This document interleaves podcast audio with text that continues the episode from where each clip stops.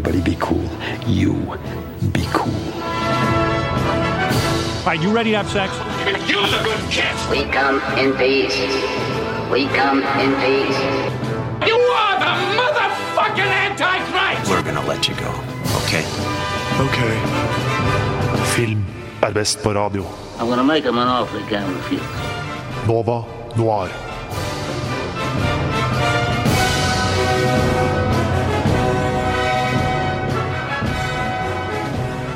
Hallo, og velkommen til Nova Noir. Klokken er ti, og det er torsdag morgen, og du er klar for å høre på eh, Radio Novas filmprogram. I dag har du da meg, Ina Sletten. Og Hedvig Bø. Og Bjørn Kristian Sveen. Og for tekniker er Ragnhild Bjørlykke. Og i dag skal vi snakke om eh, debutanter. Eh, og det vi mener da, er vel Du vet, på Facebook så har man noen bilder fra eh, når man var litt yngre, eller sånn som i mitt tilfelle, da, emo- emo-tiden sin. Hvor man har litt eh, grønt hår og mørk øyenskygge. Eh, og du sitter ofte og tenker skal jeg fjerne dette bildet fra offentligheten? Men samtidig så syns du det er litt gøy å Du vil at folk skal se det. Ja, og være sånn Tenk at jeg var skjønn, og nå er jeg her. Det gjør dagens foto liksom enda litt bedre. Absolutt. Og det er det debutfilmene til de vi skal snakke om i dag er. Det er eh, det som gjorde var starten på karrieren til de største regissørene vi har i dag, og som er kjent for å være utrolig eh, raffinerte og gode i eh, jobben de gjør. Men som de fleste så må man prøve å feile litt. Og Det er derfor vi i dag skal prate om debutfilmene til Peter Jackson, eh, Catherine Bigelow og David Fincher. I tillegg skal vi få anmeldelser av Gemini Man, Den avskyelige snømannen og Swingers.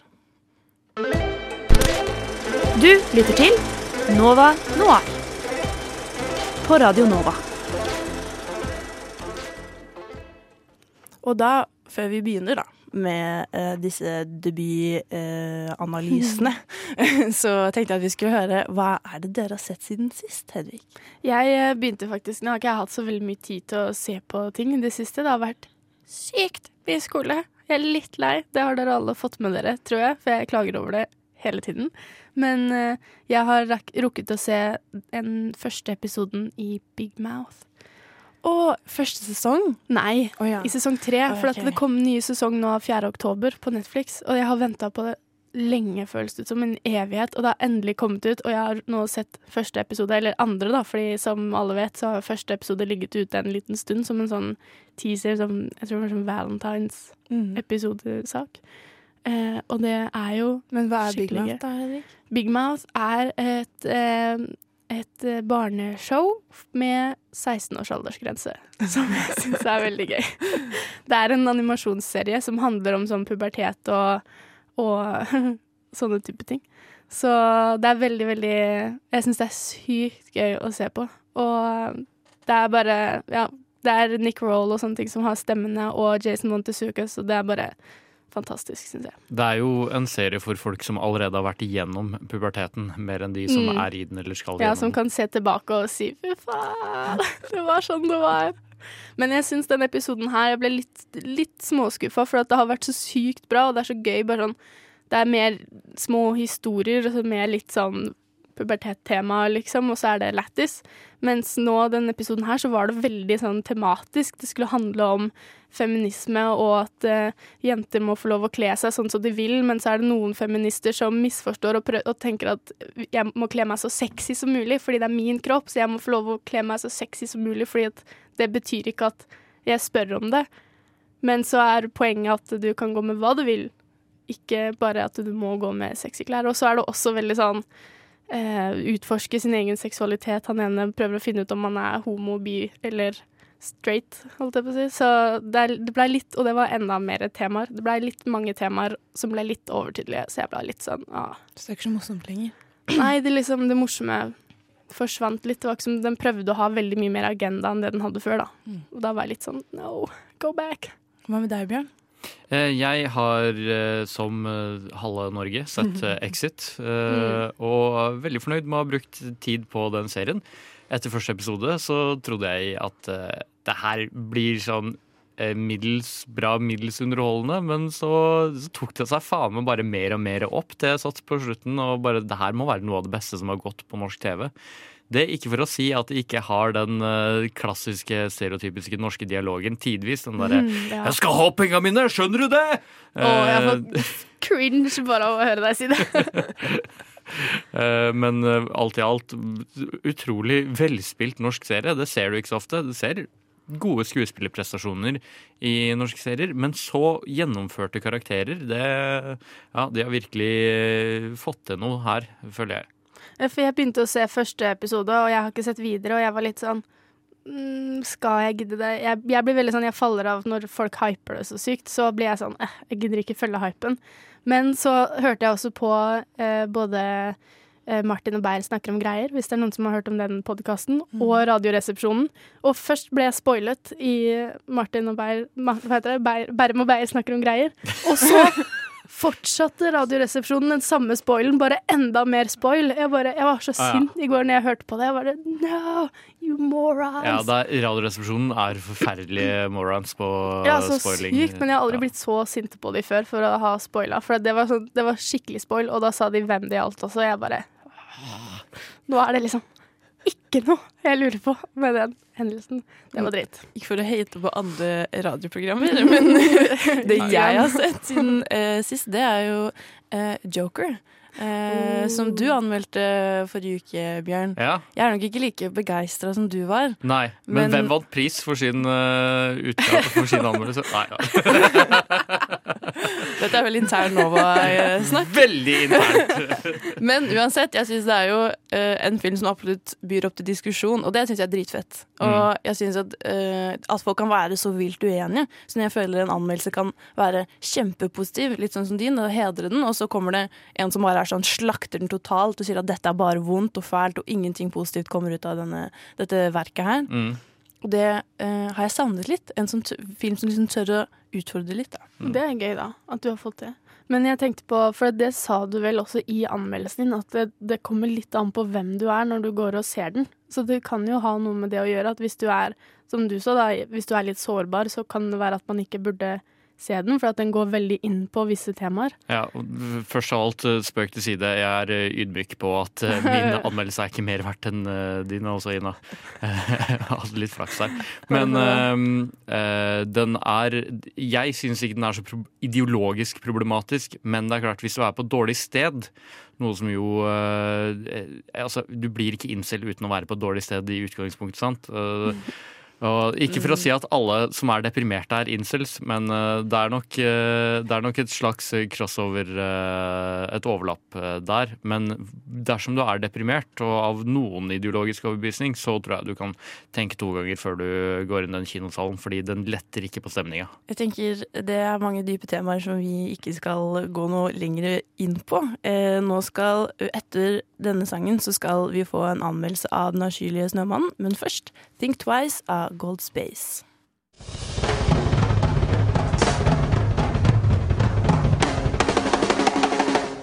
Nova Noir presenterer ukens kinopremierer.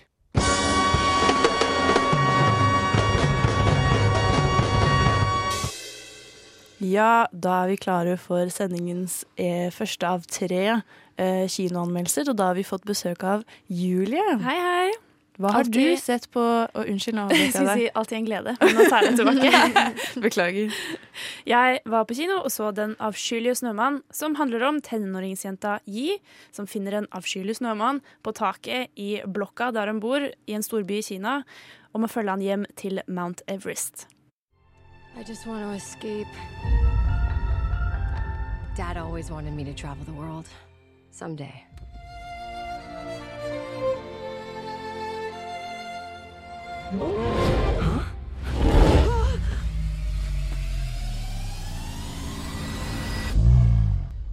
There's a Yeti on my roof. Hey, boy. Or girl. Yeah, you're definitely a boy. I don't know where you came from. He escaped. I want my Yeti back. Dette er en film som eh, er laget av Dreamworks, og jeg er initielt ganske fan av eh, barnefilmer av Dreamworks. Både How to Train Your Dragon, men også Shrek. eh, og synes at de har en ganske god trend med å lage barnefilmer som også kan appellere og være morsomme for voksne. Så jeg gikk inn i kinosalen med den forventningen, men ble kanskje litt skuffet. For Den avskyelige snømannen er det du ser er det du får, rett og slett. Og det er jo en veldig vakker animasjonsfilm. Det er ingen tvil på at den er utrolig flott å se på. Men eh, for eh, det voksne mennesket som jeg er, da, eh, skulle jeg gjerne hatt bitte litt mer eh, substans under de flotte fargene for å holde meg helt engasjert i historien hele veien gjennom. Hva med uh, musikk og sånn? Jeg føler uh, Dreamworks har vært ganske gode på uh, å ha et veldig godt soundtrack. Hvordan gjør Den avskyelige snømannen det? Eh, det føltes litt mer som en musikkvideo eh, til tider, framfor en god, godt fortalt, engasjerende historie. Eh, for koblet med så flott og vakker animasjon, og så får du Fix You av Coldplay, og så er det en veldig flott eh, montasje, og det skal egentlig være et veldig eh, emosjonelt eh, gut punch, og så blir det liksom ikke helt det, fordi karakterene og historien er litt eh, flat, rett og slett. Men det, altså, det var jo det var jo gøy, og musikken var jo fin. Men jeg følte ikke at den ga meg så veldig mye, da. Jeg lurte på, for at det er jo flere Jeg føler at det har vært litt sånn trend i det siste at de lager filmer om Den avskyelige snømannen. Det er også Smallfoot, som, ikke, som kom for ikke så veldig lenge siden. Eh, er det noe ved den her som på en måte skiller den litt ut da, fra en litt sånn standard avskyelig snømann-historie? Eh, nei, jeg vil ikke si det. Jeg vil si eh, Skurken er ganske forutsigbar. Hvis du skal tenke deg en film hvor det er et eh, mystisk vesen som samfunnet ikke vet at finnes, eh, og så er det en slem organisasjon som fant ut at de finnes, og så kan du på en måte tenke deg hvor det går eh, derfra, uten å ta så veldig mye feil, vil jeg tørre å påstå. Det som var litt gøy, var at det var Eddie Izzard som hadde stemmen til eh, skurken. Som var morsomt. Det, kunne jeg, det var gøy, det satte jeg pris på. Men den, eh, kanskje det eneste er at den, selve den avskyelige snømannen er utrolig søt og kjempesjarmerende. Og eh, måten de valgte å designe den på og sånn, var veldig gøy. Og bare Den var, den var søt. Det var, det var morsomt. Men uten Ja, nei, nå føler jeg det går litt i sirkler når jeg sier at den ikke var så eh, dyp og engasjerende. Men den var eh, gøy og morsom på overflaten. Men Den avskyelige snømannen, sånn, går de faktisk inn i sånn Prøver de å forklare hvorfor han er avskyelig? Eller, sånn, eller er det bare fordi han er søt, på en måte? Sånn, jeg føler Ja, blir det litt sånn glorifisering og, av han den avskyelige snømannen, om du skjønner hva jeg mener? Uh, jeg vet ikke. Nei, Nei. det vil jeg ikke si. Det er liksom ikke et så stort eh, tema i filmen. Det handler mer om uh, familie og det å høre hjemme, da, rett og slett. Eh, og Den uskyldige snømannen har jo ganske klar personlighet. Eh, og er jo en hovedperson, den òg, i denne filmen, sammen med uh, Yi, som er hun som finner han uh, oppå taket. Uh, noe annet som jeg syns funket greit, var karakterene var laget godt nok, men jeg syns ikke Dreamworks turte å bruke dem til De kunne brukt dem til så veldig mye mer da, med det de hadde satt opp på bakhistoriene deres, men det gikk på en måte ingen steder. Um, så, men det er jeg som voksen, da. Uh, og det er jo en barnefilm designet for barn, og det må man jo ha i tankene. Eh, så har du eh, et småsøsken, et barn, en liten fetter, en liten kusine, for all del dra på kino sammen, og det kan være hyggelig og fint, men ikke Ikke gidd hvis du er eh, 18 pluss og selv som meg liker eh, Kanskje har en litt forskjellighet for barnefilmer, men eh, jeg vil ikke si at det er eh, nødvendig, rett og slett. Den er helt akkurat midt på treet, OK grei. Eh, litt eh, satt der og skulle ønske, ønsket meg mer, men eh, som jeg ikke fikk. Men jeg vil alt i alt si en, eh, en helt OK fem av ti til Den avskyelige snømannen. Ja. Det er en, en ø, helt ok karakter til en ø, barnefilm. Tusen takk, Julie. Uh, du kommer tilbake senere for å anmelde Gemini Man også. Men eh, før det så skal du høre Your Love av Joggebukse. Nova Noir. Og nå skal vi begynne å snakke om vår første debutant, Catherine Bigelow, også kjent som eh, den eneste kvinnen som har vunnet eh, beste regissør eh, under Oscar-utdelingen. Eh, hun er vel best kjent for Hurt Locker, akkurat den filmen hun har vunnet Oscar for, men også Zero Zero Dark Thirty og Point Break. Men hun har jo vunnet to.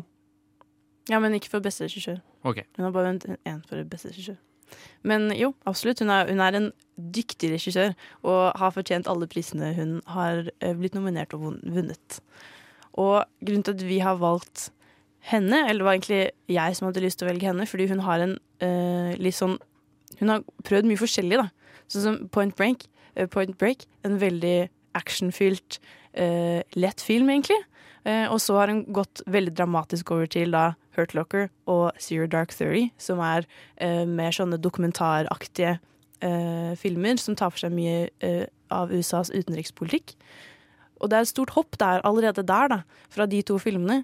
Så jeg var egentlig veldig interessert i å se på hvordan hun begynte, da.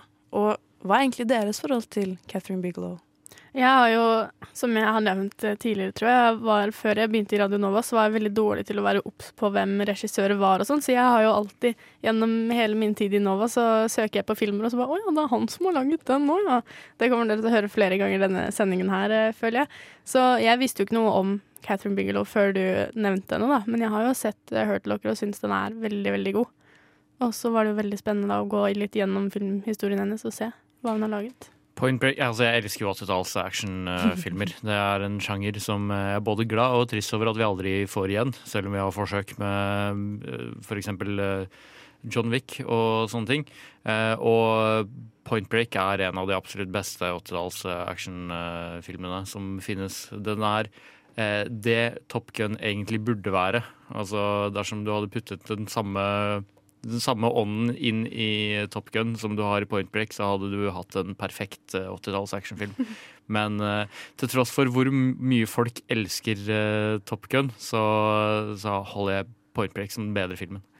Jeg takler egentlig ikke det angrepet Top Gun. Eh, Nei, for det er mange som har et nært Det skal- eh, religiøst forhold til Top Gun. Det skal vi holde oss for gode for. Så Men jeg, jeg tror, jeg, jeg tror altså eh, Hvis du bare hadde switcha om på Hvis Catherine Bigelow hadde regissert Top Gun, og han som jeg ikke husker navnet på, som regisserte Top Gun, hadde regissert eh, Point Break, så hadde du hatt eh, mye det samme. Men eh, Top Gun hadde gjort det enda bedre enn allerede gjorde det. Fordi eh, det er mye mer fyll i eh, Point Break enn det er i Top Gun. Og det er det som egentlig kjennetegner Bigelow, at hun utfordrer veldig de sjangerne hun tar på seg. Da. At hun, eh, For eksempel Blue Steel, da, som kom før Point Break, det handler også om en politidame da, som blir siktet for mord, og hvordan hun da må takle dette. Og hun er det var liksom veldig tidlig da, når det ikke var veldig vanlig at du hadde eh, veldig maskuline kvinnelige hovedkarakterer. Eh, og kom, den kom to år, tror jeg, før eh, Silence of the Lambs. Eh, så var liksom ikke, det var liksom ikke så kult ennå da, å ha i hvert fall politikvinner da, som hovedroller. Og jeg føler det er gjennomgående, men at hun har eh, Hun prøver å utfordre eh, sjangerne. Og så har hun også denne Det jeg husker mitt Min introduksjon da, til Catherine Bigelow var eh, gjennom, også gjennom Hurt Locker. Det er som sagt den hun er mest kjent for. Og det var eh, når jeg fant ut at det var en kvinne som hadde regissert den. Fordi jeg følte at hver gang jeg snakket med noen om det, spesielt gutter, så ble det veldig sånn Hæ? Kødder du? Er det en den- kvinne som har laget Hurt Locker? Den er jo, Den det er har jo ikke den følelsen i det hele tatt. Det er ikke sånn For at du kan på en måte Det er veldig generaliserende å si, men veldig mange kvinnelige regissører som jeg leser om nå, da, det kan absolutt hende at jeg ikke har lest om de på en måte store gode, men de er gjerne litt sånn romcoms og sånne typer filmer. Og jeg syns det er så kult å se liksom en som Hvor ikke det nødvendigvis er regissøren du tenker over først når du ser filmen. Du bare tenker så sykt bra film, og krig og realisme og litt sånn doku, og så er det en, da en veldig sterk kvinne som står bak den. Det syns jeg er veldig kult. Ja, det er jo eh, Det blir gjerne enten-eller. Enten så blir du Catherine Bigelow, som har kjempa egentlig med nebb og klør for også å kunne regissere det hun eh, vil. Og selv da så har det liksom vært en forhistorie med at de har forsøkt å kaste diverse jentefilmer på henne, noe hun jo ikke har vært eh, veldig interessert i. Men det er jo, hvis du er uh, up and coming struggling director og kvinne, og det sitter en hel haug med studioheads, som jo faktisk er tilfellet altså, Det er ikke statistikk og vitenskap som former hvem som får lage hvilke filmer. Det er 'Å, du er søt lita dame', og 'jaså, du er regissør'. Det, eh, nå har vi fått inn en sånn skikkelig fin jentefilm, den kan sikkert uh, du ta. Og da er jo, tar du gjerne de mulighetene som du får. Uh, det er jo, jeg tror det er profesjonelle regissører, så tror jeg det er godt under 5% eller noe sånt nå, som er kvinner. Og det er det som er interessant med Hurt Locker òg, fordi uh, i forkant av Hurt Locker så hadde hun hatt et par filmer som tanket ganske hardt. Uh, og da var det egentlig ingen som ville finansiere filmene hennes lenger, så Hurt Locker finansierte hun selv. Hun produserte den på egen hånd. Uh, og det var så sykt kult bare at hun bare sier sånn Vet du hva, dere har ikke noe tro på meg, så jeg bare gjør det selv. Eh, og klarer å gjøre det så bra, da, og har klart å liksom opprettholde den standarden etterpå også. Det syns jeg er utrolig imponerende. Hun er jo virkelig en sånn fremgangskvinne for kvinner i bransjen, og hun sier det jo selv også at, det er en, at hun er liksom sjokkert over mankoen på kvinner, kvinnelige regissører. Da.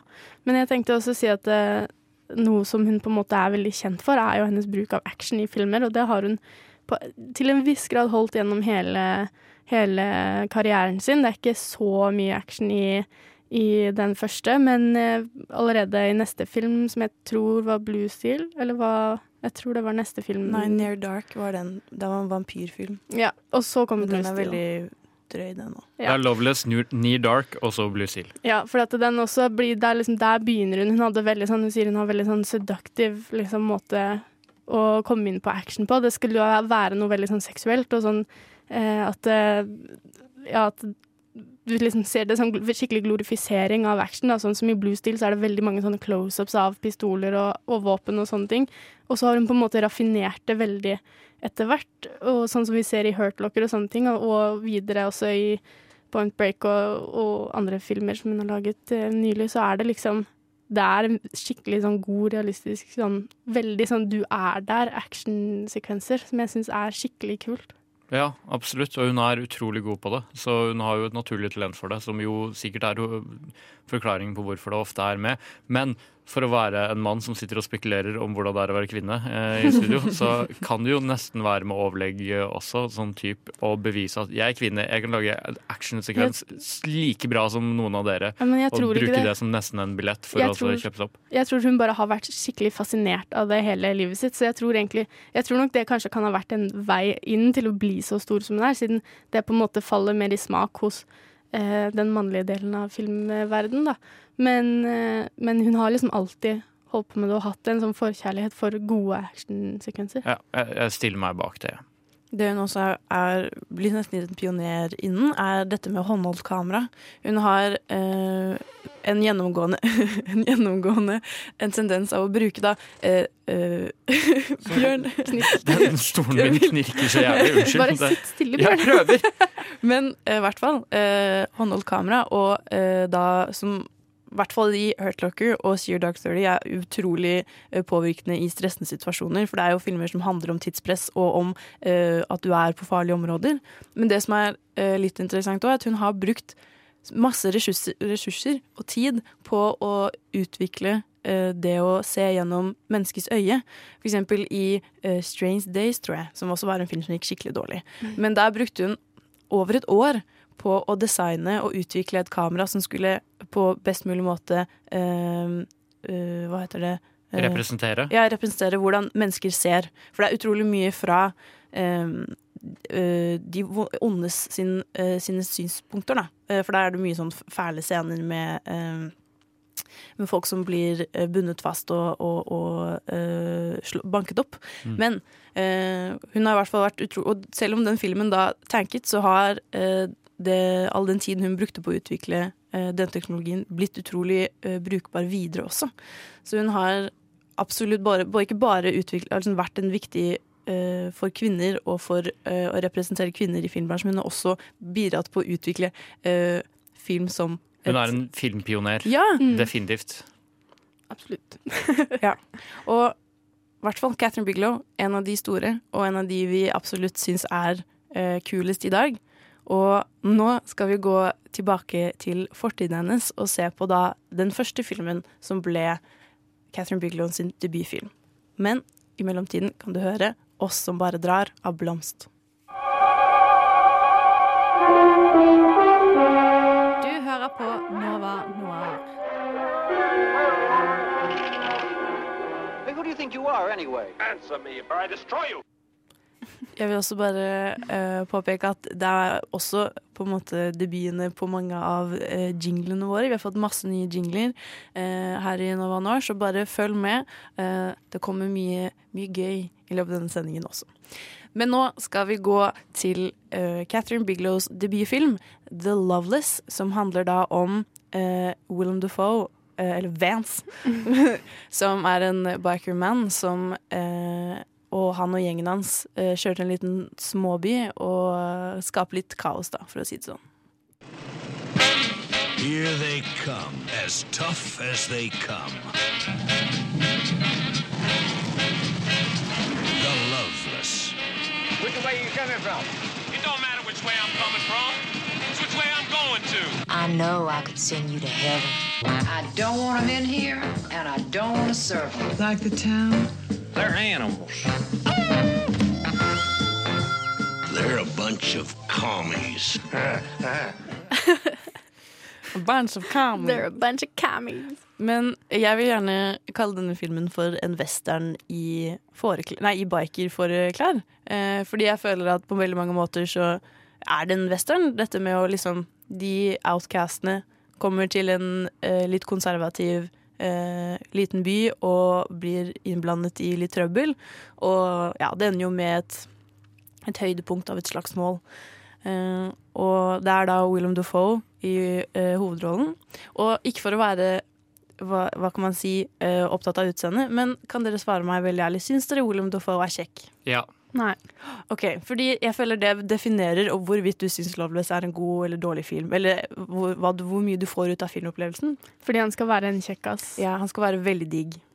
Og hvis du da ikke syns William Defoe er digg, så tror jeg kanskje ikke det funker så Men bra. fordi jeg fikk litt hate fra Bjørn for å dø dømme ham på utseendet. Du at jeg sa får at jeg- hate fra meg fordi får- du har altså, du, du ikke bare liksom noen typ, liker ikke måten han ser ut på, du fordømmer allting som han har vært med på, på at du liker det ikke fordi Film Defoe ser creepy ut. Nei, for at der har du misforstått. For at du tror det bare Ja, jeg syns han ser creepy ut, men det kommer av at han i alt jeg har sett han i, så spiller han en ekkel fyr og bad guy. Og første filmen jeg så Willem Dafoe i, var, da var han Spiderman? eh, ja.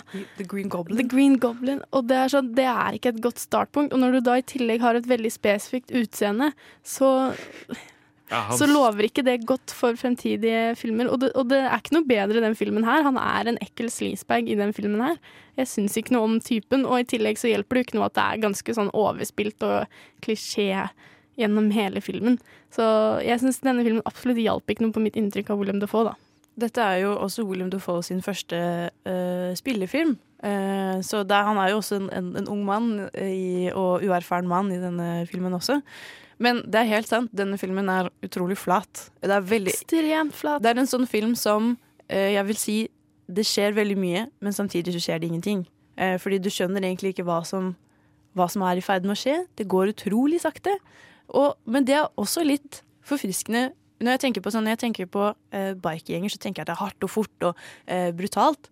Og det er jo ikke det denne filmen er egentlig.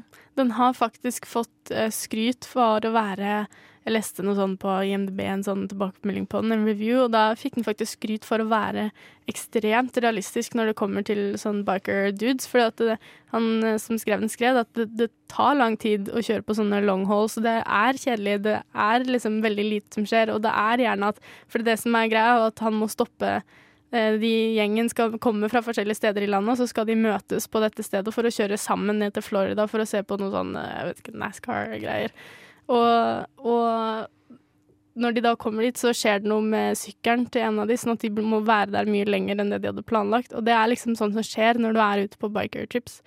Og så er det jo innblandet masse drama og gjenger og klisjé og mm. Ja, jeg leste også noen av disse sånn derre Å, den er så Den er så Altså, atmosfæren er så god, og det er altså den der greia med at eh, den portretterer bikere på en realistisk måte. Det er jo fullstendig vanvittig ting å si. Jeg mener sånn De kommer der angivelig etter å ha kjørt flere hundre mil på de jævla syklene sine og hatt breakdown og er skikkelig hardcore osv. Og, så og så har de prikkfrie, helt nye skinnklær uten så mye som en ripe i. Det er jo Altså, det, det provoserer meg. Det, ja. Det som provoserte meg, er at Willem Dafoe har på seg den samme hvite singleten gjennom hele filmen, og den blir bare mer og mer skitten. Fordi han, det begynner med, filmen begynner med at han hjelper en dame eh, som har eh, punktert dekket, og da får han litt sånn oljestains på eh, skjorta si. Og så fortsetter det bare. Det blir litt eh, annet gugg. Og, litt, og jeg, bare, jeg sitter og får helt sånn Jeg blir så fokusert og provosert av den tingleten, for jeg er vant til at alt er så strøkent og flott. Men det gjør det jo egentlig bare mer realistisk. For selv om jeg syns denne filmen her er ekstremt kjedelig, og det tok så sykt lang tid før ting begynte å skje, før du skjønte hva noe som helst av greia var, bortsett fra at det var sånn 'jeg er en kul biker-dude', sånn litt sånn outlaw-type, så, så, er, så viser den jo allerede litt Catherine Bigelows sånn attention to detail. Det- det er- Fordi det er jo realistisk at du, du er på tur, du har ikke så mye greier, og du har, hadde ikke egentlig tenkt å være der så lenge, så du hadde bare den ene singleten, og så blir den bare mer og mer skitten. Det hadde jo vært mye verre hvis den ble ren igjen. Ja, jeg tror igjen det bare er Singleter ser kulere ut når de blir skitne. Ref eh, Die Hard. Eh, Men altså, det er eh, det er noen elementer som jeg liker. Jeg liker sosiopatien i han, eh, i, i han Vance eh, og sånne ting. Det, det, det kan jeg forstå. Det er den type folk som, eh, som må ha Psykopater må ha konstant spenning for å føle noe som helst, så det, det gir litt mening. Men igjen så er det sånn jeg vil ha meg frabedt at den filmen her visstnok er realistisk. Det er realistisk i hodet folk som aldri har møtt en biker. Det, det forstår jeg. Men eh, det er en film for folkene som så Grease og bare sånn Hadde den her bare hatt 18-årsgrense? Eh, for det er, det her er et fullstendig ja, svada veldig- fantasioppspinn av en uh, film. Og så fikk den komplimenter av en anmelder som jeg så. Fordi at ja, den er ikke realistisk, men den, den har så god estetikk, så utprega stil. Det er jeg heller ikke enig i.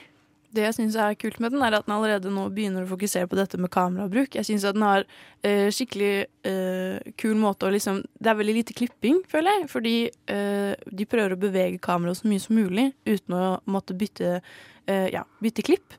Og det syns jeg var ganske forfriskende, for jeg føler ofte debutfilmer kan gå fort i den derre ha masse kameraer fra den ene vinkelen her, fra den andre vinkelen her. Men her er de faktisk veldig fokusert på det å flytte på kameraet, zoome inn og zoome ut. Og ta seg tid, da. Og generelt, det er jo hele eh, poenget i filmen, å ta seg tid. Men det tror jeg kanskje er med preget i starten og litt utover. For jeg har skrevet i notatene mine her sykt mye klipping. Fordi til slutt, mot nærmere slutten, når de kommer når de er inne på den siste baren, og, og det bryter et slagsmål, og det skjer litt mer greier, så er det jo altså For da går det mellom to sånne historier som beveger seg samtidig. Og det er så mye klipping frem og tilbake mellom de, og jeg blir helt sånn, jeg klarte ikke å henge. Jeg følte at hodet mitt var i en sånn tennismatch, bortsett fra at jeg så på samme skjermen hele tiden. Så jeg ble helt satt ut. Jeg bare, det her orker jeg Altså, dette takler jeg ikke. Dette er for mye greier, altså. Så det er eh, Det må være Men jeg kan være enig i at det er sånn i starten. Men okay. uh, i den siste biten så ble jeg helt sånn satt ut av hvor mye hopp det var, da. Men det jeg ble litt også frustrert over, er at den ikke klarer å bestemme seg for hvem filmen handler om. Nei. Eh, fordi man tror jo at dette skal handle om William Defoe, eller Vance, da. Men det gjør jo egentlig aldri det. det han, han er vel mer en sånn Han er observatør. Ja, for det handler jo egentlig om denne jenta som han eh, blir, blir kjent med. Og, Men det gjør eh, ikke egentlig det heller. jo, det vil jeg si. Jeg bare føler at det klarer ikke eh, bli ordentlig godt fokusert på henne. Vi får bare møtt henne i et par scener. Det er det jeg mener. Det er, ikke, det er ikke nok om henne til å egentlig relatere til henne på en ordentlig måte, annet enn at hun forteller at jeg har det kjipt i en bil, og så er faren hennes rævhøl. Det meste hun gjør, er jo å gi sexy stares og være altfor ung. Men uh, du sier noe der, Bjørn, om at uh, Willem Dafoe er eh, observatør. For at det er jo noe som kommer igjen veldig i Catherine Bigelow sine senere filmer. Den der om at her i denne filmen så er det jo han som på en måte er oss, da, den som ser på. Mens eh, senere i karrieren sin så er hun jo veldig sånn at eh, du skal være i i eh, fighten, sånn som du snakket om med point of view camera og sånne ting, at du skal være den personen som eh, du er med, du er der, men du kan ikke gjøre noe. Og det er jo litt det samme greia med William Defoe, bortsett fra at han velger å ikke gjøre noe særlig. Mm, Det er også en av de tingene jeg liker, at William Dafoe sin karakter siden han er så kul og han tilsynelatende er sosiopat osv., det, det gir en fin kommentar på tilskueren som sitter og ser på vold øh, og, og liksom bare nesten følelsesløst. Sånn der, øh, nesten glad for å ha observert det.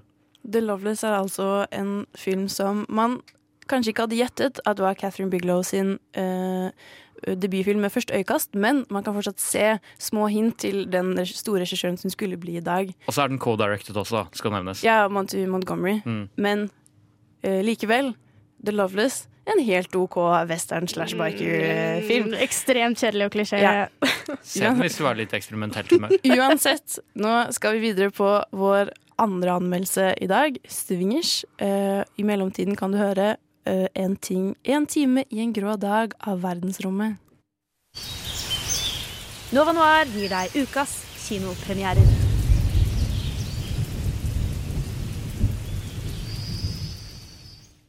Og Ina, nå er det du som har vært og sett eh, film på kino. Det er det, gitt. Mm, og du har vært og sett eh, den nye filmen til Andrés Ekis og Stig Frode Henriksen, 'Swingers'. Ja, swingers, som hvis du da, kjære lytter, ikke vet hva å svinge er, så betyr det at du og din partner da eh, deler, byt, møter et annet par, og så deler dere litt på partnerne deres. Eh, og det er det man da i første omgang tenker at eh, swingers skal handle om. Men jeg vet ikke helt, jeg. Hallo? Hallo, du har ringt meg. Jeg ringte pga. den der eh, kontaktannonsen på nettsida. Ja. Så jeg lurer på om Har dere noen planer for kvelden? Mine planer er dine planer. Du, Hva hvis de er stygge som et tibetansk helvete? Nei, men du, Ikke vær så negativ, da. Hvis du ikke liker dem, så snur vi døra. Jeg er ærlig talt litt sjokkert. Klarer ikke å ha sex med en annen dame? Nei, Du klarer ikke å ha sex med meg engang. Jeg trodde det var oss to, liksom. Men Derfor går vi i lag. Hashtag we too. Swingers handler da om, i hovedsak da, om to par. Eh, Zaid Ali og Evik Kassett eh, Røsten er det ene paret, og det andre er Alexandra Ørbekk Nilsen og Stig Frode Henriksen. Disse, av forskjellige grunner, ender opp med å uh, legge ut annonser på uh, en swingers nettside, og, da kommer det uh, til slutt fram til at de to, eller de parene da skal møtes og svinge seg. Samtidig så er det en litt separert, litt rar sidestykke med Kristine Ullebø, Morten Ramm og Mikkel Bratt Silseth, som også foregår. Men det har ingenting med swingers å gjøre i det hele tatt. Um, og ja, det er vel en film som uh, brander seg til å handle mye om sex, men som egentlig er veldig lite seksuell, eller sånn. Og jeg kan egentlig ikke si noe annet Eller sånn for å oppsummere da, det jeg syns om denne filmen, der det er ingenting godt og ingenting bra med denne filmen. Det er en komedie som ikke er morsom, og det som, de eneste gangene jeg lo, var av medlidenhet. Mm. Uh, det var uh, fordi jeg syns det var så fælt. Dialogen er utrolig stiv. Det sier litt når Kristine Ullebø, som debuterer også i denne filmen, for hun er blogger eh, og nå er skuespiller, det sier litt når hun er blant de beste skuespillerne. Og det var, for å være helt ærlig, veldig skuffende. Mm. Jeg så for meg at dette skulle bli en, i hvert fall, ja, et utrolig teit premiss og eh, ganske tullete, men i hvert fall morsomt, og som skulle underholde meg, men jeg satt i en og en halv time og kjedet meg. Så den er heller ikke så dårlig at det blir morsomt? Nei. Absolutt ikke. Det er fordi jeg tror de Jeg vet egentlig ikke hva som har skjedd. Det er det jeg syns er så frustrerende. For det er, sånn, det er jo morsomme folk som er med i denne filmen. Det er, sånn, det er Morten Ramm og uh, Stig Frode Henriksen er jo kanskje kjent for å være en, en morsom fyr. Men det virker nesten som på et eller annet tidspunkt at de har bestemt seg for at nei, la oss bare drite i og bare uh, ta de dårligste vitsene, vi har. De drøyeste vitsene vi har. Som heller ikke er morsomme. Det er bare for å ha en drøy vits. Og da blir man lei etter hvert. Fordi du blir bare Ja, det er trist egentlig at man har latt en sånn film kjøre igjennom, da. Men kan det hende at den retter seg mot uh, det bestemte publikummet som syns gamle vitser er uh, morsomme? Hvilket publikum type- er det? De som liker å si uh, 'den skal du få av meg' når du spør om de skal ha kvittering, uh, eksempel. Jeg føler den er rettet mot min, eller oss, eh, studenter, unge folk, som den har lyst til å være litt samfunnsaktuell. Den nevner f.eks. metoo gjennom litt kleine vitser. Eh, den prøver å være ja, eh, oppdatert. Og jeg føler den ikke har noen spesiell målgruppe. Den vil jo, det er jo Kristine Ullebø. De har jo prøvd å nå et visst type publikum ved å caste henne, f.eks. Ja, eh, altså Du har jo sett den, så du har helt sikkert rett. Jeg er bare sånn derre Samfunnsaktuell det var jo ikke Det er ikke samfunns... Det er ikke sånn at den tar opp masse teit, eller sånn veldig dype problemer, men den prøver i hvert fall å lage humor ut av ting som har skjedd det siste året. Mm, men men er det ikke litt på det planet som eldre slektninger som har sett det på nyhetene, som ikke egentlig har satt seg så veldig inn i det? Men hvorfor har de da laget en eh, helt ny eh, komedie med masse unge folk, eh, og brander den som en veldig seksuell og grafisk film, og så Nei, og da skal ikke jeg ta opp tiden på å spekulere, jeg må, jeg må se den selv. Så skal, kan jeg ta Jeg tror det. vi må nøye oss med å høre på hva anmelderen eh, Ja, syns om den for nå. Men det har jo kommet veldig mye bra norsk film før det her. Og Ja. så har jo vi i Nova vært ganske skeptiske til norsk film eh, tidligere, på en tidligere sending. Og hva, hvor går liksom Hvor ender denne? Jeg har jo også vært utrolig imponert over norsk film det siste. Barn har fått utrolig mye bra eh, kritikk, og har kanskje klart å rive, rive seg bort fra den stereotypien eh, norsk filmer har fått. Eh, swingers føler jeg prøver å tvinge oss tilbake igjen i denne boksen. Eh, og jeg ble, Det er derfor jeg også er litt lei meg, fordi jeg føler norsk film har kommet seg så langt. Og det er da at vi kommer med en film som det her, det syns jeg er litt kjipt, for å Jeg være helt syns ærlig. det stemte veldig godt, som du sa før sending her, at den, eh, den virker som den er laget i 2004. Og det, er vel, det stemmer vel kanskje godt overens med sånn kvalitetsmessig også. At det, det er liksom bare de siste åra jeg føler at norsk film har tatt seg litt opp. Så den setter oss liksom tilbake ti år. Nei, så jeg, jeg syns uh, at jeg prøvde veldig hardt å finne gode ting med den, og prøve å se om det var eh, ting jeg kunne dra fram som positivt. Jeg syns klippingen er forvirrende. Det er lite kontinuitet mellom, uh, mellom scenene. Musikken er også uh, utrolig høylytt og eh, distraherende og dårlig. Og skuespillet er stivt og ikke noe spesielt morsomt. Så jeg klarer dessverre ikke å finne noe godt med swingers. Hvilken karakter vil du da gi den, Ina? Dun, dun, dun, dun, Jeg må jo være ganske ærlig her og brutal, og jeg må gi den en ener. Wow! Er det premiere på eneren i Nova så lenge jeg har vært her, i hvert fall? Det, det tror jeg, og det er jo også ganske fascinerende med tanke på Vi fant jo rett, ut rett før du anmeldte den at Andres Eckis har jo allerede regissert en annen film som het 'Swingers' i 2016. Så dette er hans andre forsøk, and it didn't get any better. Den har ikke så verst anmeldelser på IMDb engang, så det er virkelig lavmål for, eh, for den regissørduoen der, altså. Ja.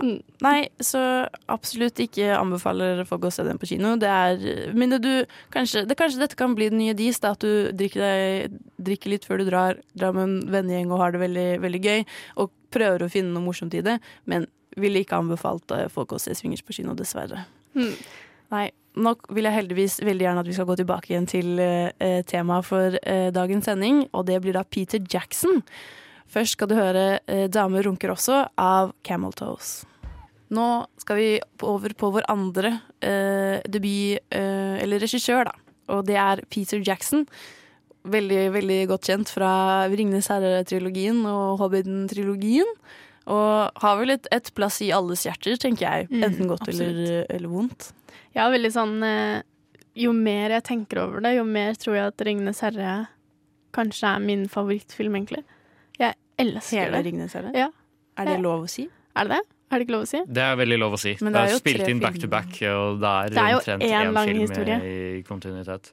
Jeg elsker det i hvert fall. Men om han er min favorittregissør, det vet jeg ikke om jeg tør å påstå.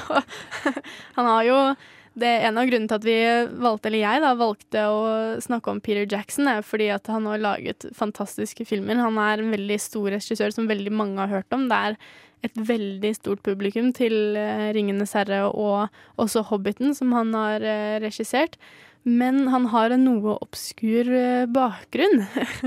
han er jo, i hvert fall så vidt jeg vet, kjent for å ha laga litt sånn eh, weird ass filmer sin, som han har i sin lomme.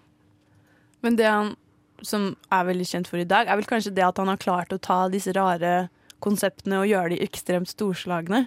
Og jeg vil jo si at 'Ringenes herre', selv om det er et flott, flott uh, trilogi, så er det jo veldig mye rart inni der også. Og det, jeg tror det er det som har gjort 'Ringenes herre' så kult òg, at han liksom tør å satse litt på um, spesielle helter eller et univers fullt av uh, lignende karakterer som, har, som man kan se de tidligere filmene hans også. Da. Det skal jo sies at, eh, og jeg elsker Ringenes herre, i eh, siste året på videregående eh, så så jeg en av filmene om dagen i sånn tre måneder. Bare, det gikk konstant i bakgrunnen, så jeg elsker Ringenes herre. Men det skal sies at folk sånn som Viggo Mortensen, som jo spiller en av hovedrollene i Ringenes herre, sa at det å jobbe med Peter Jackson var en forferdelig opplevelse. At Peter Jackson egentlig bare pusha ut så mye filmmateriale som han overhodet klarte til enhver tid, og stort sett hadde flaks med å få sekvenser som virkelig funka. At det ikke egentlig var en god plan. Eh, og det skal også sies at den filmen vi skal snakke om uh, seinere, den er spilt inn på helgedager i løpet av to, Fire. fire år. Ja.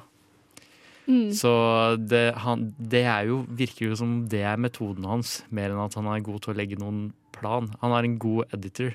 Men jeg kjente veldig det, fordi selv om jeg er veldig glad i Peter Jackson eh, Eller nei, jeg er veldig glad i Ringenes herre. Eh, så har jeg en, en, en sterk grudge eh, mot Peter Jackson pga. Hobbiten-filmene.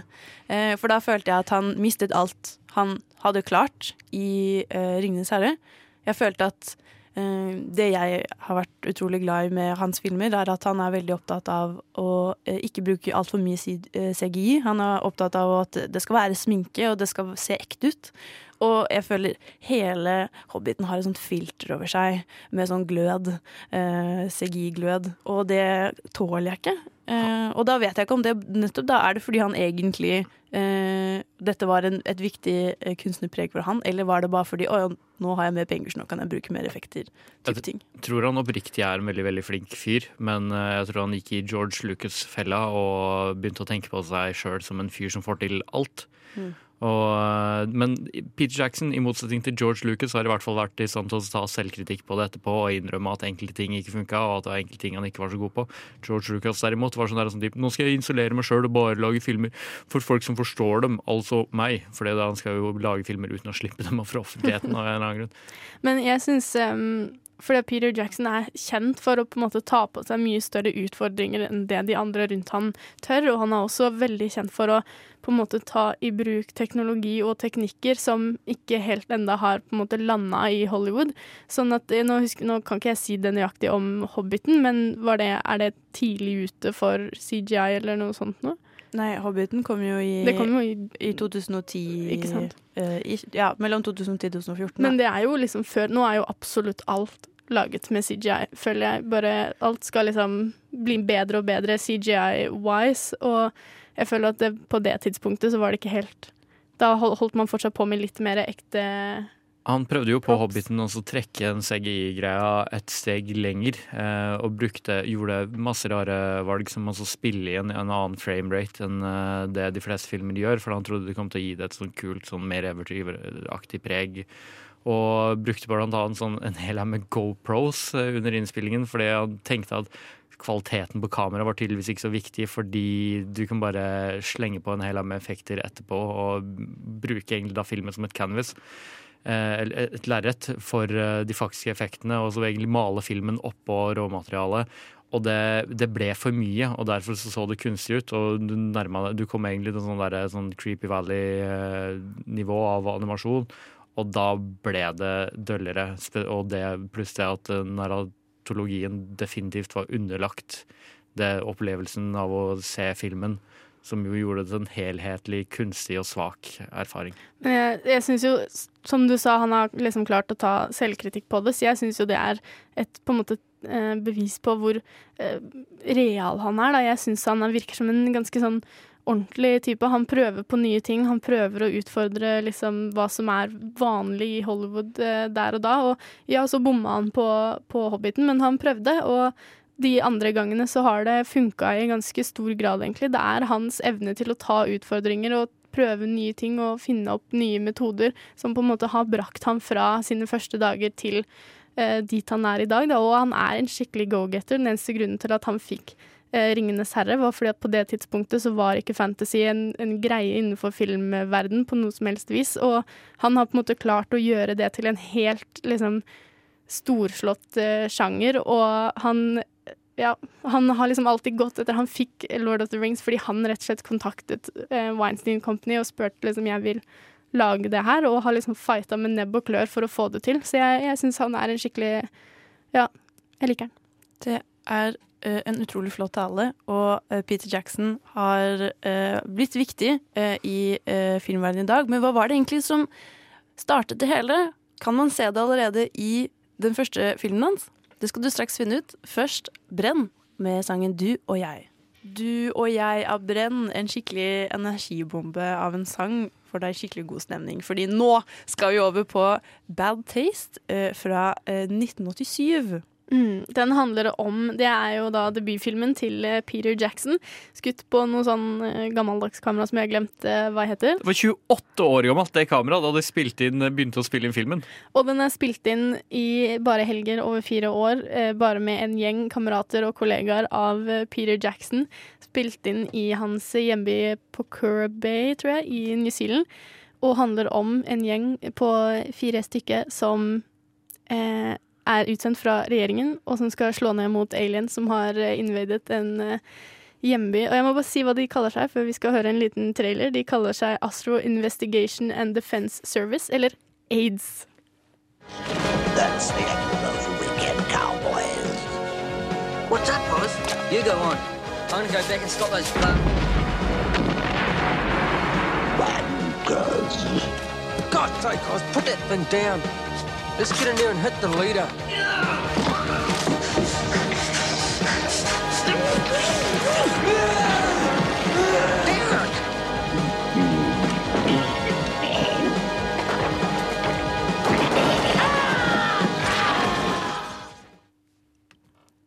Da, da jeg så den eh, filmen her, så var jeg faktisk ganske glad når den var over. Og nå, eh, i retrospekt, så elsker jeg den. Jeg er så, så glad for å ha sett den. Jeg sa nettopp til Ina at hvis, For at jeg er bare ikke så glad De kaller den for en slapstick eh, sci-fi splatter-komedie. Og hadde det ikke vært for alt det gory og splatt, så tror jeg faktisk jeg hadde digga den. Men det blir litt for mye gory og splatt for min del. Jeg er vilt uenig med dere. Jeg, etter å ha sett denne filmen, så, eller under hele filmen, så satt jeg og tenkte hva, jeg kaster bort tiden og livet mitt på det her. For det er skikkelig dårlig. Sånn, beklager. Eh, Jeg ble så sjokkert når jeg gikk inn på eh, IMDb-siden til Peter Jackson, og da er den andre filmen som er sånn known for, så står det Bad Taste. Og vet du hva? Er det dette som skal være eh, eh, ettermælet? Er det dette Peter Jackson skal være kjent for? Jeg vet ikke. Det er, en, altså, det er en kultfilm som spilte inn åtte ganger det de brukte Mm. på å spille den inn, uh, anslagsvis. Uh, men bare for å låne litt støtte til at jeg kan se poenget ditt. Både du og jeg, Hedvig, uh, måtte jo kontrollere for om vi faktisk hadde liksom, gått inn på riktig link. Fordi det kunne jo se ut som om det var noen studenter som bare hadde hatt det gøy med å prøve å spille den inn på nytt. Fram til du kjenner igjen trynet til Peter Jackson, da. Jeg kjente ikke igjen trynet til Peter Jackson. Jeg, jeg ante ikke hvem av dem som var Peter Jackson, før jeg liksom så en video hvor det var litt uh, klipp av gamle Peter, nei, unge Peter Jackson, og jeg var sånn What? Er det han som er Peter Jackson? Jeg trodde veldig lenge at det var han som hang og dingla fra eh, Det er kanskje han òg? Ja, fordi det er det som er gøy, fordi eh, da, altså, da jeg begynte å se filmen, så kjente jeg igjen Peter Jackson. Og bare sånn, ja, nå må jeg være inne på riktig, for det der er Peter Jackson. Og så fortsetter jeg å se på filmen, og så plutselig så henger Peter Jackson og dingler fra Altså henger gammeldre Peter Jackson og dingler fra en fjellskrent. Jeg bare sånn Men åssen faen er det her mulig? Og så slåss de to mot hverandre, og så ble jeg veldig forvirra. Sånn, er- har han fått en slektning Jeg var inne og så sjekka på rollelista om det var noen andre som het Jackson, som kanskje har fått søskenbarnet sitt eller noe sånt noe til å spille inn. Nei, men siden filmen har spilt inn i løpet av fire år, så har han først spilt inn sin del av eh, de kampscenene. Så har han grodd masse skjegg og hår, og så spilt den andre delen av kampscenene, som jo er ganske gøy. Så han spiller to roller som du ikke kan se her samme fyren, for han ser så ulik ut med, med skjegg og langt hår. Eh, Det er jo ganske morsomt eh, trekk. Men det skal sies at jeg også Jeg så den for lenge siden, skjønte ikke en dritt. Jeg så den igjen, og jeg heller, når jeg så den nå, så tenkte jeg altså The fuck? Men så, i retrospekt Men hva vil dere si at man kjenner igjen her? Eller fra ting som blir særpreg for Peter Jackson? Er det noe dere kan liksom peke på i Bad Days? Som er sånn Ja, her begynte det. Det ene som man kan si veldig sånn konkret at her begynte det, er jo hans sånn fordi han lagde all special effects, lagde han selv. Han lagde maskene. De er, de er bakt i moren hans sin ovn, de her aliens-askene, maskene. Han gjorde alt det her selv, og som vi også nevnte tidligere, så var det jo en stor utfordring å lage alle de her propsene. Det er jo bare, holdt jeg på å si, en kompisfilm. Likevel så har han sykt mye props og sånne type ting. Og det på en måte har han tatt med seg videre, og litt, jeg tror på neste film så får han med seg et sånn um, special effects-team som han har med seg gjennom hele karrieren sin. De er med på alle filmene hans og har laga alt av props. Og det er på en måte hans på en måte, elsk for uh, masker og special effects og sånne ting er jo noe vi kan se igjen i Lord of the Rings. Hvis du også ser på jeg tror det er ikke Meet the Feebles, men Braindead eller noe sånt, så er det så er det noen masker som på en måte ligner veldig på special effectsen brukt i Ringenes herre. Da. Så det er på en måte hans elsk for effekter og, og også fantasy. Han har alltid elska fantasy. Og så vil jeg også trekke opp det her med klippinga. Fordi det å spille inn en film eh, over fire år og fortsatt få det til å se ut som en helhetlig film, det er faen ikke lett. Det, det, det krever en fyr med teft som er i stand til å liksom holde de involverte involvert. og og en disiplin uh, når det kommer til å lage film. Spesielt siden det her er Det er jo et sånn kompisprosjekt. Det er han og tre kompiser som spiller de fire hovedrollene. Så, så det å både sånn samle sammen Den dedikasjonen over så lang tid kan du jo definitivt se med å spille inn tre Ringenes herre-filmer back to back på New Zealand. Med utrolig mye motgang fra studio. Veldig mye motgang. Det som kanskje var verst, og som jeg savner fra uh, de eldre, eller de yngre, da, uh, Peter Jackson-filmene, er jo at de har et veldig sterkt lydbilde. jeg så Bad Taste med kjæresten min, og det eneste vi kunne si, er at det høres ut som at noen har sittet med keyboard mens de har sett filmen, og bare dun, dun, dun, og så bytter du plutselig helt stemning, og så bruker de veldig mye syns. Og det høres helt forferdelig ut. Det er bandet til den ene kompisen som har stått for musikken. så skal det jo også sies at all, jeg tror, all lyd er jo lagt på etterpå. Ja. Spilt inn etterpå. Så det, det er jo litt også. sånn det ser litt dubba ut til tider. Men ja, det er også en ting som holder seg. For da Peter Jackson er en mann med sans for humor, og den filmen her er, eh, vil jeg si, ganske morsom. Det er kanskje det jeg liker best med den. Den er oppriktig morsom. Og gjerne i den derre deadpan, underspilte metoden som jo holder seg i Ringens herre-filmer eh, også. Sånn Gimlis legendariske 'That still only counts as one' etter at Legolas har drept en fuckings eh, et hus av en elefant. Ja. Mm. Det er sant. Og det, det, er bortsett fra litt sånn at han skal sikle hele tiden og litt sånn ekle detaljer som jeg aldri har hatt særlig sansen for, så syns jeg jo den er veldig festlig. Bare sånn, Og så helt sånn low-key, sånn at det, det virker ikke som det er meningen at det skal være morsomt. Det er ikke det filmen handler om. Det er ikke en humorfilm. Men så sitter du likevel sånn og det syns jeg er helt perfekt for en sånn type film. Det er blant annet et, eh, en scene hvor alle aliensene skal, hører kompisen sin skrike etter hjelp, så de liksom skal gå og redde han. Og så løper de sånn eh, og henter masse hammere som står på rekke og rad, og så tar liksom, løper en forbi og tar en, løper en forbi og tar en, og så kommer mm. han ene som er litt dummere enn de andre, til slutt, og liksom kikker seg rundt etter en hammer og bare Ja, ja, nei, nå var det ikke en til meg, nå.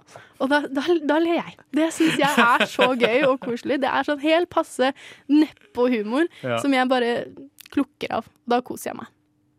Ja, og det er, eh, det er eh, Og det kan også nevnes at det er en morsom ting med filmen at den ble jo banna eh, i Queensland. Og resultatet av det var at de sparka hele det sensurstyret som jobba i Queensland. Så den hadde jo en, den hadde jo en politisk effekt også, den filmen her. Og likevel så ble den spilt i Cannes og ble solgt til over 30 land. Ja. Ja, ja. Vi har kanskje litt delte meninger om uh, Bad Taste. Jeg kan absolutt se at uh, det er mye her som uh, formet Peter Jackson til den store regissøren han er i dag. Nå skal vi da gå videre på vår siste regissør, David Fincher. Og mens du venter på at vi skal begynne med det, så kan du høre Anna Soleil med sangen 'Breathe'.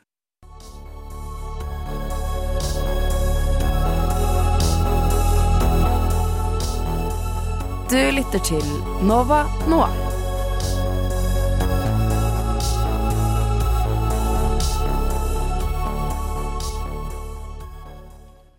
Ja, da er vi i gang på vår siste eh, og et tredje regissør, eh, David Fincher. Eh, han er kjent for litt for mye. Jeg kan vel sitte her ganske lenge og ramse opp Seven, Gone Girl, eh, The Social Network, ja, Zodiac. Girl with the Dragon Tattoo. Ikke sant? Det er så mangt. Uh, og han er jo blitt uh, ja, kjent for å være en utrolig uh, En regissør med et veldig godt øye. eh, og lager generelt bare veldig gode filmer. Så hvorfor er det da vi har lyst til å eh, snakke spesifikt om han, da, Bjørn? Nei, han, jo, han hadde jo en lang uh, filmatisk karriere før han ble feature-regissør. For han har jo og fortsatt med det en stund til etter at uh, han ble feature-regissør. eh, musikkvideoregissør.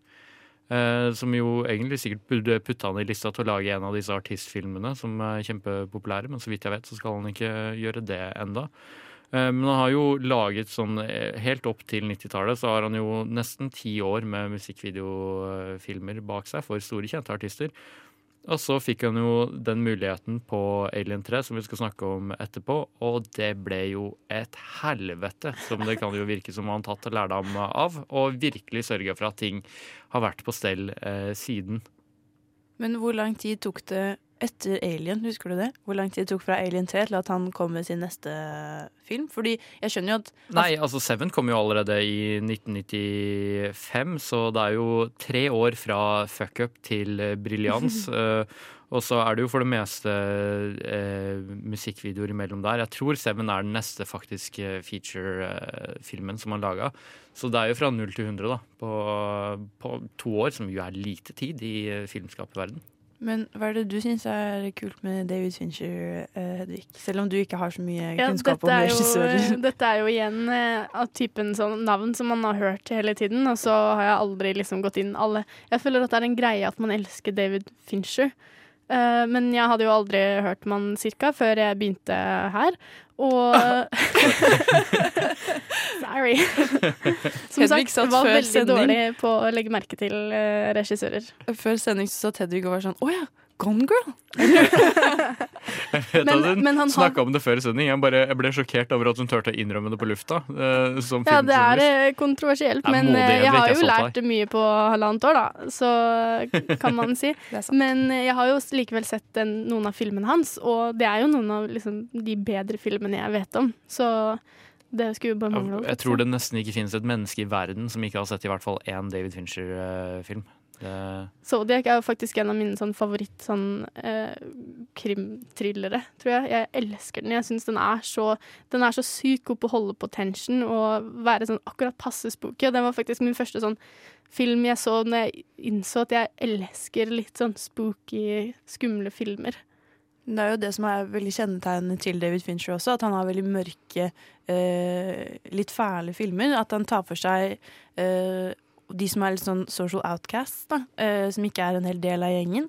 Og filmer det på en veldig sånn mørk og brutal måte, som jeg har syntes har vært utrolig kult med, eh, med Fincher. Da. Spesielt Gone Girl syns jeg en, er en helt utrolig vakker film, fordi da bryter han litt med dette mørket. Det er, så, det er en veldig lys film, egentlig, men så klarer han likevel å holde på eh, den stemningen som han har hatt i Fight Club og Zodiac og sånn tidligere.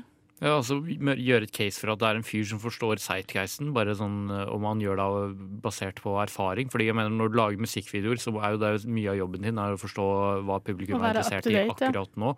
Eh, Men det er jo definitivt også noe som man får som en foregangsmann eh, med liksom filmer som Fight Club, og uh, som virkelig fikk med seg sightgeisten i begynnelsen på True Crime med å lage Seven allerede på, på 90-tallet, og så siden både Gone Girl og Zodiac, så han forstår liksom det elementet uten å være låst til det. Han er jo ikke en, en, en sjangerlåst regissør, egentlig. Han får til det meste, og det meste er ting som treffer en nerve for tiden, og som eh, overlever som eh, gode eksempler på eh, popkulturen på tiden der det kommer ut også. Så er, han har en nesten skummel evne der.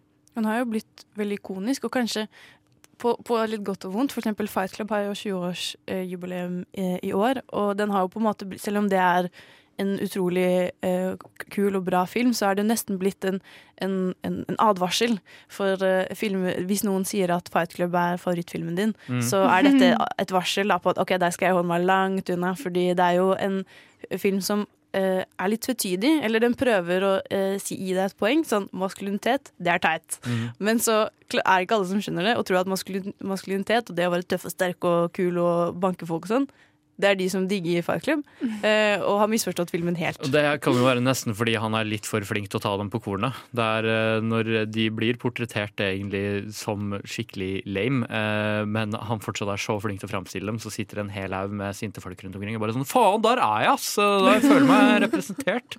Men hvilke andre, bortsett fra det at han er veldig god til å holde på stemningen og ta for seg Outcast, hva annet er det som på en måte er trademark David Fincher? Jeg syns at han ofte eh, klarer å fortelle historier med twister. Jeg føler at han liksom klarer å overraske deg hele tiden. Selv om han har på en måte en, en slags sjanger, eh, selv om han ikke er som du sier, bundet til en sjanger, Bjørn, så har han likevel man kan se det veldig lett at det er en eh, David Fincher-film. Ja. Men det at han klarer å utfordre oss, som Seven da, eller eh, Gone Girl, det er liksom alltid noe litt sånn som ligger og eh, eh, ulmer, på en måte. Mm. Og jeg syns det er veldig imponerende å ha laget så mange store filmer som jeg ikke kan egentlig si at er like i handlingen. Eller jeg kan liksom ikke dra noen kjempetydelige paralleller sånn historiemessig, og det syns jeg er utrolig kult. Og det er der du går fra å være god til å være mester, er når eh, du virkelig får den derre Der, på tross av sjanger, så har du den, det som bare kan beskrives som finchetheten, eller finchismen. Eh, og det er når du får da, når du nesten kan få ditt eget filosofiske begrep, da er du faen meg god. Vi elsker altså David Fincher. Vi syns han er en, en mester uh, i uh, film. Men som vi nevnte litt tidligere, så kan hende at den første ikke var uh, det vi egentlig har lyst til å huske han for. Eh, straks skal vi snakke om Alien 3. Før det kan du høre Snowcone av Rayami. Snowcone av Rayami. Nå skal vi på den siste debutfilmen vi tar for oss under denne sendingen. Altså Alien 3, regissert av David Fincher. Who's that? Ja. Veldig god vits, eh, Henrik. Men hva, hva er Alien 3, Bjørn? Eh, altså, jeg leste det egentlig ganske fint i en sånn tagline eh, som jeg følte var veldig uentusiastisk, som gikk basically sånn derre Ripley våkner igjen etter å ha ligget i koma og må atter en gang bære byrden av et eh, alienangrep. A visitor has come. But not by herself. It started.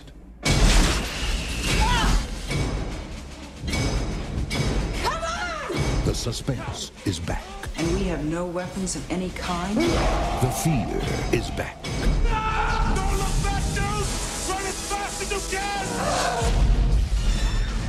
And most of all, the bitch is back. Alien 1 var regissert av Ridley Scott. Alien 2 av James Cameron. Tykt skal sies at det er, det er store menn å følge, da. Absolutt. Og eh, det er jo eh, så det også beskrevet som at eh, Alien er jo en, en, skrekkfilm i rommet med det horrorfilm med det alien-elementet. Og så tar James Cameron over og snur det til en actionfilm. Og det går an når du gjør det sånn som James Cameron eh, gjør det, og fokuserer på menneskene og prøver å få litt dybde osv. Uh, og så tok egentlig bare produksjonsstudioet over eh, for å lage Alien 3. Og hvis jeg kan ta dere prøve å oppsummere litt raskt hvordan eh, det gikk for seg Det får ikke gått for raskt, fordi det var et helvete. Men prøve, prøve litt allikevel. Så Først så var det en produksjonstrio som het David Geiler, Walter Hill og Gordon Carroll, som skrev en treatment for hvordan de ville at Alien 3 skulle være. og Da skulle det basically være kommunisme versus eh, kapitalisme. Eh, De fikk eh, den legendariske sci-fi-forfatteren William Gibson til å skrive en treatment på der. Han beskrev det seinere sjøl som eh, eh, Space Commies Hijack Alien Eggs, Big problems in Malworld. Og var ikke veldig fornøyd, for han fikk veldig dårlig tid på å skrive der.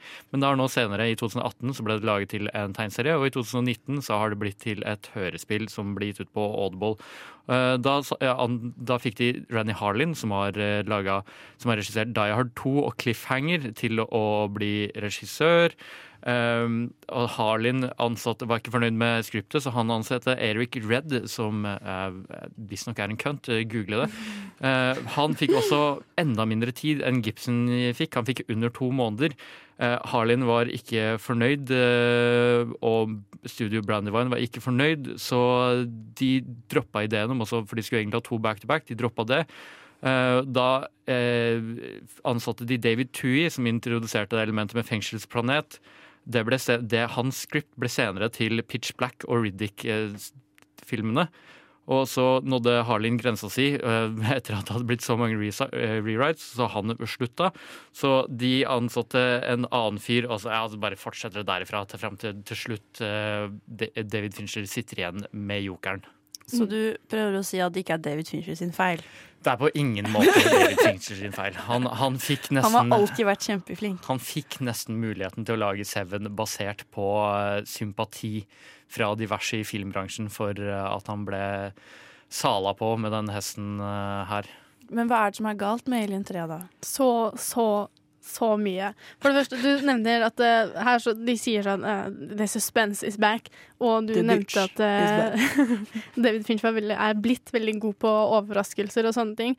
Det er ingen overraskelser i denne filmen. Det er ikke noe suspens i denne filmen. Det er, det er en utrolig kjedelig historie som har liksom De prøver å bygge opp veldig mye, og samtidig så er det altfor lite action.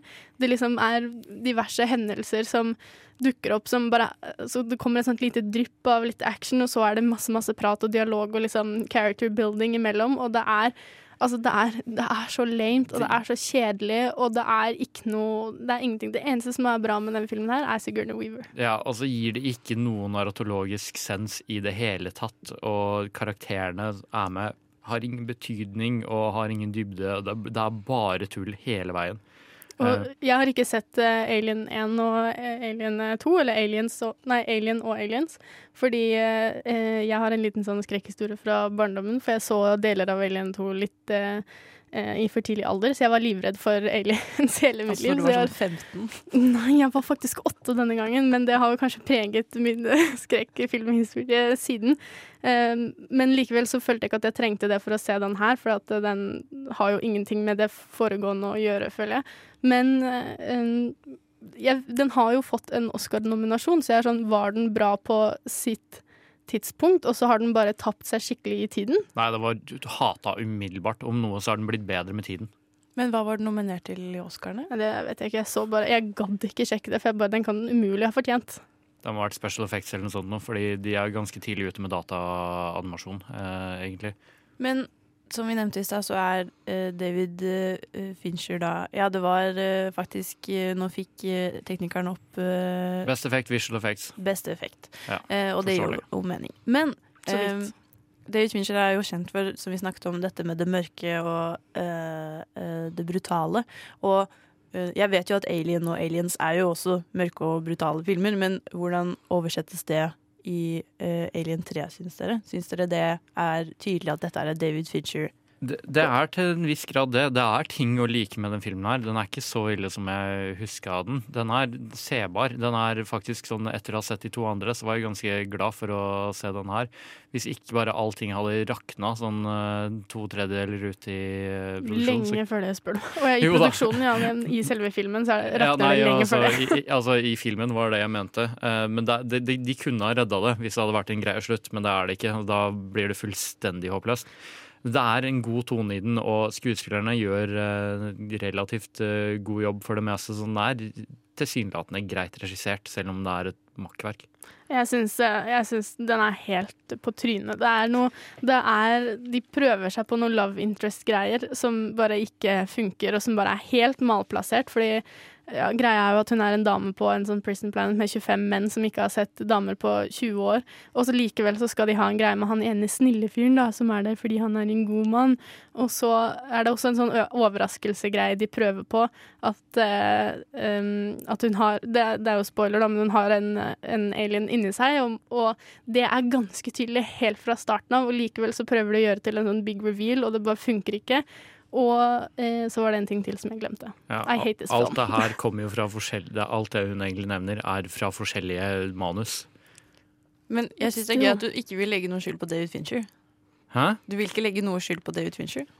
Men jeg syns det er sånn med tanke på det at altså, det er- er tolv personer som er involvert på å lage manuset her, og når de begynte å skyte, så fikk han ikke noe ferdig manus, for det skulle produksjonsselskapet fikse mens, eh, mens han drev og spilte inn. Og så, så da får han liksom bare sånn Han får liksom sider fra dag til dag og må liksom bare forholde seg til det. Jeg tror altså, Det burde vært en verre film. Jeg, jeg er ganske enig med det at kanskje ikke David Fincher skal få i hvert fall ikke all skyld for det her. For jeg, før jeg i det hele tatt visste den historien om eh, shitshow bak eh, kamera, så tenkte jeg at det her, det her er ikke bare David Fincher sin film, for det her, dette er for dårlig skrevet. Eh, det er for dårlig preppa, holdt jeg på å si. Og den siste tingen jeg skulle si, var jo bare hvordan den slutter, om at eh, alien overlever bly, men ikke vann mot eh, Altså kaldt vann mot varmt skall, eller hva faen. Og det har de også prøvd å frempeke tidligere i filmen, og det er bare sånn Det er no surprises, liksom. Det er Nei, det er en gør kjedelig film. Alien 3 er altså eh, David Fincher sin debutfilm, men var det egentlig eh, Fincher sin feil at eh, den var så dårlig?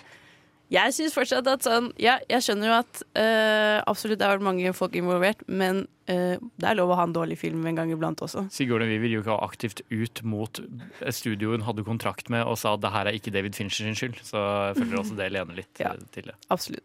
En, en, en film som fortsatt kan debatteres, altså. Alien 3 der. eh, da er vi ferdig med å snakke om eh, debutant, eh, debutantene våre. Og snart skal vi få den siste anmeldelsen for i dag, 'Gemini Man' med Will Smith. Inntil da kan du høre 'I'm Not Ready' av Marbles. Nova Noir presenterer ukens kinopremierer.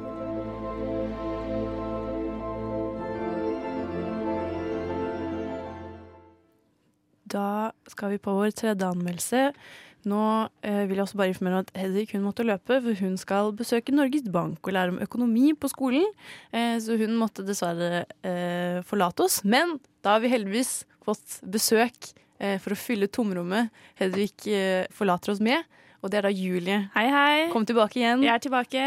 Og du skal anmelde Jeg skal anmelde Gemini Man, som handler om hitman Henry Brogan, som blir jaktet på av en ukjent, men allikevel familiær fiende. I think I know why he's as good as you. He is you. 25 years ago, they made you from me. They chose me because there's never been anybody like me. We have to end this right now.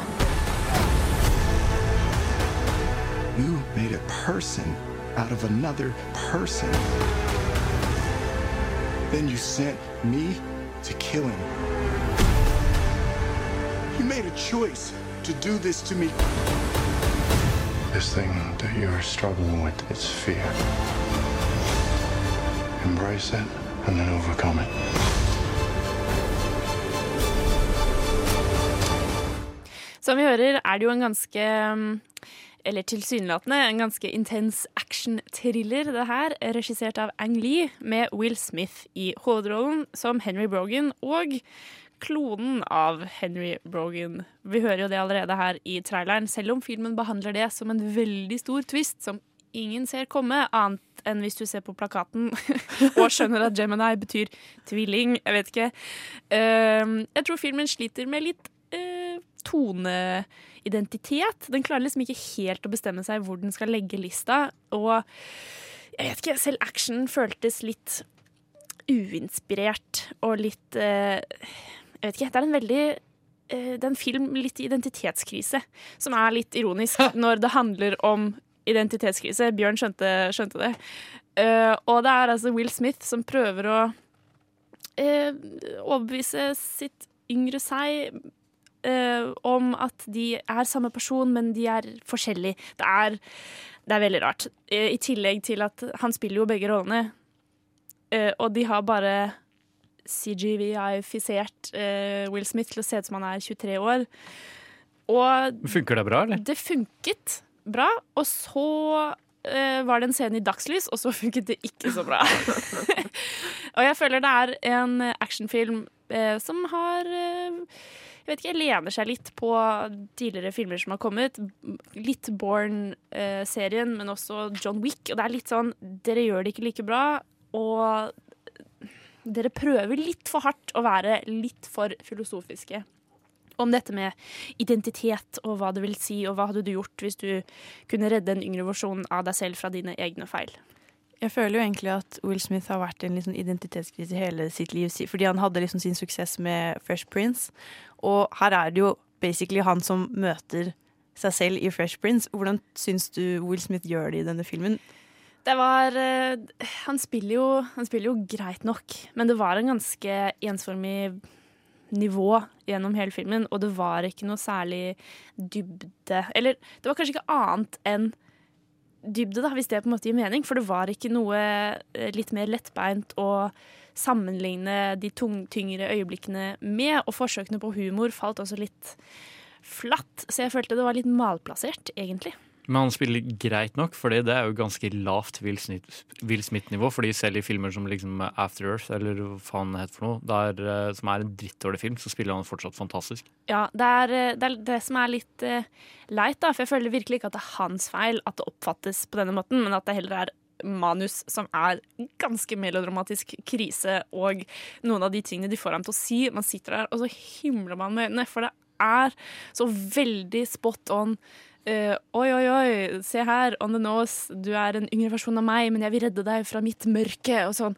Det er, det er for mye, rett og slett. Uh, og alt i denne filmen er jo også filmet i real D 3D, så det er en sånn ekstra heftig versjon av 3D som jeg i utgangspunktet synes er veldig unødvendig, og så er alt eh, ekstra klart og kjempedetaljert eh, og Klart, det ser bra ut, men, men, men hvorfor? Altså, det gir ingenting ekstra. Vi har jo uh, actionfilmer som uh, John Wick, for eksempel, da, som gjør det kjempebra. Som klarer å holde på denne uh, sjangeren og, og utfordre den. Men det klarer ikke Gemini Man på samme Nei, måte. Uh, Gemini Man de prøver veldig hardt. Jeg tror de hadde en visjon, og så ble de litt for forelsket i sin egen idé, og at gjennomføringen ikke Det kom til kort, eh, rett og slett. Så eh, en stor skuffelse, for det kunne vært veldig kult. Og de prøver veldig hardt å si noe om samtiden og teknologi, og prøver å ta opp masse temaer om identitet og hvordan dette kan gå eller ikke, men eh, det funker dessverre ikke i Gemini Man. Så eh, i likhet med deg tidligere i dag, Ida, må jeg også være litt streng. Ikke like streng, for den var ikke så totalt krise, men den får fortsatt bare en tre av ti. Eh, så absolutt ikke gidd. Tre av ti til Gemini Man. Ja, jeg beklager, Will Smith. Det er hardt. Velg bedre prosjekter. Nå ble jeg litt lei meg. Nei, ja. Kan ikke vinne hver gang, Will Smith. Kan ikke gjøre det. Men tusen takk, Julie, for at du har kommet og anmeldt eh, både barnefilm og actionfilm. En god blanding der. Nå er vi eh, straks ferdig, men du skal fortsatt få en liten sang før vi er ferdig, og det er Wasteful Nights av Soft Ride.